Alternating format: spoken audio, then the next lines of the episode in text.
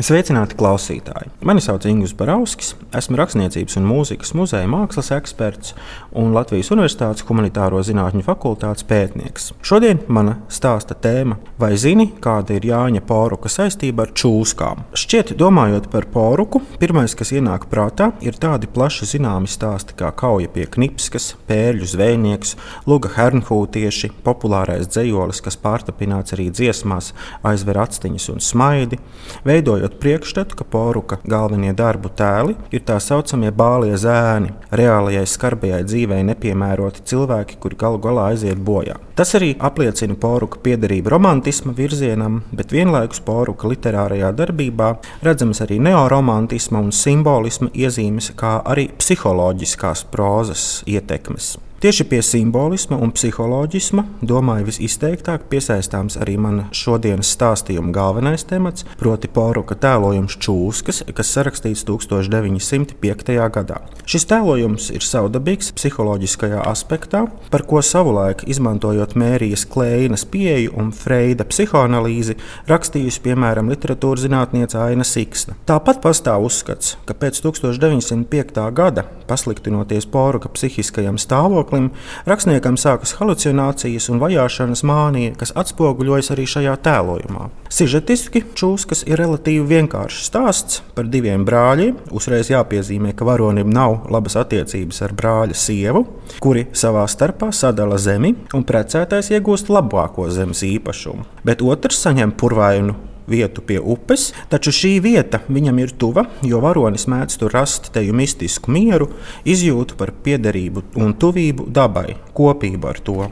Čūskulājā arī izvietoti krusti, kur nosistas čūskas. Arī galvenais varonis sižetam attīstoties nosit čūsku, bet tās mirušais ķermenis pazūd, kamēr tiek meklēti koki čūskas krustam. Varonim sākas teju paranoiskas bailes un vajāšanas mānija no čūskām, čūsku ķēniņa atriebības, turklāt kas ir īpatnēji, pieradināta čūska mitinās arī varoņa sirdī. Pēc šiem notikumiem sētā sāk nākt čūskas, pulcēties ap klēti, kas ir varoņa guļamvieta, un tad viņš ierauga brāļa sievu, kas ir ragana un čūsku pavēlniece, uzsūtījuši čūskas, lai iegūtu varoņa mantoto naudu.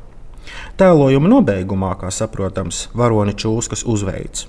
Nenoliedzami šis ir viens no poruka teju biedējošākajiem darbiem, pat radot sasaistes ar amerikāņu šausmu klasiķu Edgars Alanu Poe. Tagad nedaudz par čūskas simboliku, lai labāk saprastu šī stāsta daudzslāņainību. Chtonisko dzīvnieku tēli, piemēram, čūska, krupis, ķirzaka, vārde, pele un daudzi citi, nebūtu nav sveši simboliskie reprezentanti ne tikai latviešu folklorā, bet arī latviešu literatūrā. Izteiktāk gan tas atklājas dzējā, taču gluži aizmirsti tie nav arī prāzā. Čūska pamatā simbolizē lielo pirmāti, tās duālajā dabā, gan dzīvību dodošajā, bet vēl izteiktāk nāvējošajā aspektā. Čūskas simbolika ir pretstats kultūrai. Čūska simbolizē pirmotnējo, instinktīvo dabu. Tas ir arī poruka tēlojuma sākotnējais uzstādījums - dabas un kultūras sadursme. Citēju: Dalīsim ar brāli zemi. Brālis paņem to pusi, kur gatavas druvas, kur satiekas ar kaimiņiem. Manim piekrīt ciņāji, purvājas ar duļķaņiem, grāvjiem un vītenām priedēm bet aiz ganības, kuru brāļa sieva manim labprāt būtu atņēmusi, čūlā klusa, tumša upe, dziļi noslēpusies staignajos krastos. Tur vēl valda daba. Citāta beigas. Tēlojuma sižetiskajā attīstībā čūsku tēliem simboliskās konotācijas mainās. Ja sākotnēji pirmajā daļā varonis tās uztver kā dabas daļu, bīstamu, taču likumsakarīgu, lietojot apzīmējumus čūska, odzīte, turklāt tās antropomorfizējot, Arī viņam pašam ir maza skaista odze, kas māca gādāt par čūskām, tātad gādāt par dabisko, kontrolēt savus instinktus.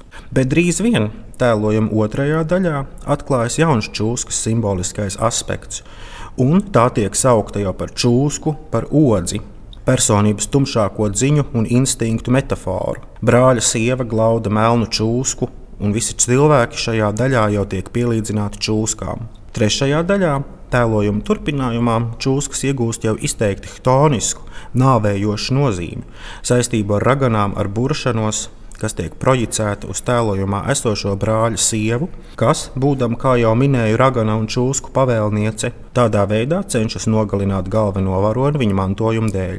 Kulminācijā, ja pēdējā tēlojuma daļā dominē tikai čūskas un ragana ar čūsku ap kaklu, čūskas ar čūsku karali, un teksta noslēgumā varonis jau redz čūsku aptinušos ap debesu jumu. Šeit īpatns ir arī briežu mātes pieminējums, kas pasaules tautu mitoloģijā simbolizē gan instinktus, gan intuīciju, ātrumu, bet arī žēlastību, maigumu, uzticību. Galvenais varonis briežu mātes tēlu tā arī nesagaida parādāmies, jo šīs kvalitātes no varoņa esošās realitātes ir pazudušas, dodot vietu instinktiem, bīstamajam, vajājošajam, biedējošajam, paranoiskajam, ko demonstrē čūskas. Kā jau saprotams, un kā jau minēju, šis ir viens no poruka vissarežģītākajiem stāstiem. Un tā interpretācija sniedz plašas iespējas gan no psiholoģiskā, gan simboliskā skatījuma. Un tā atklāja arī poruka literārās daļradas mazāk zināmās šķautnes.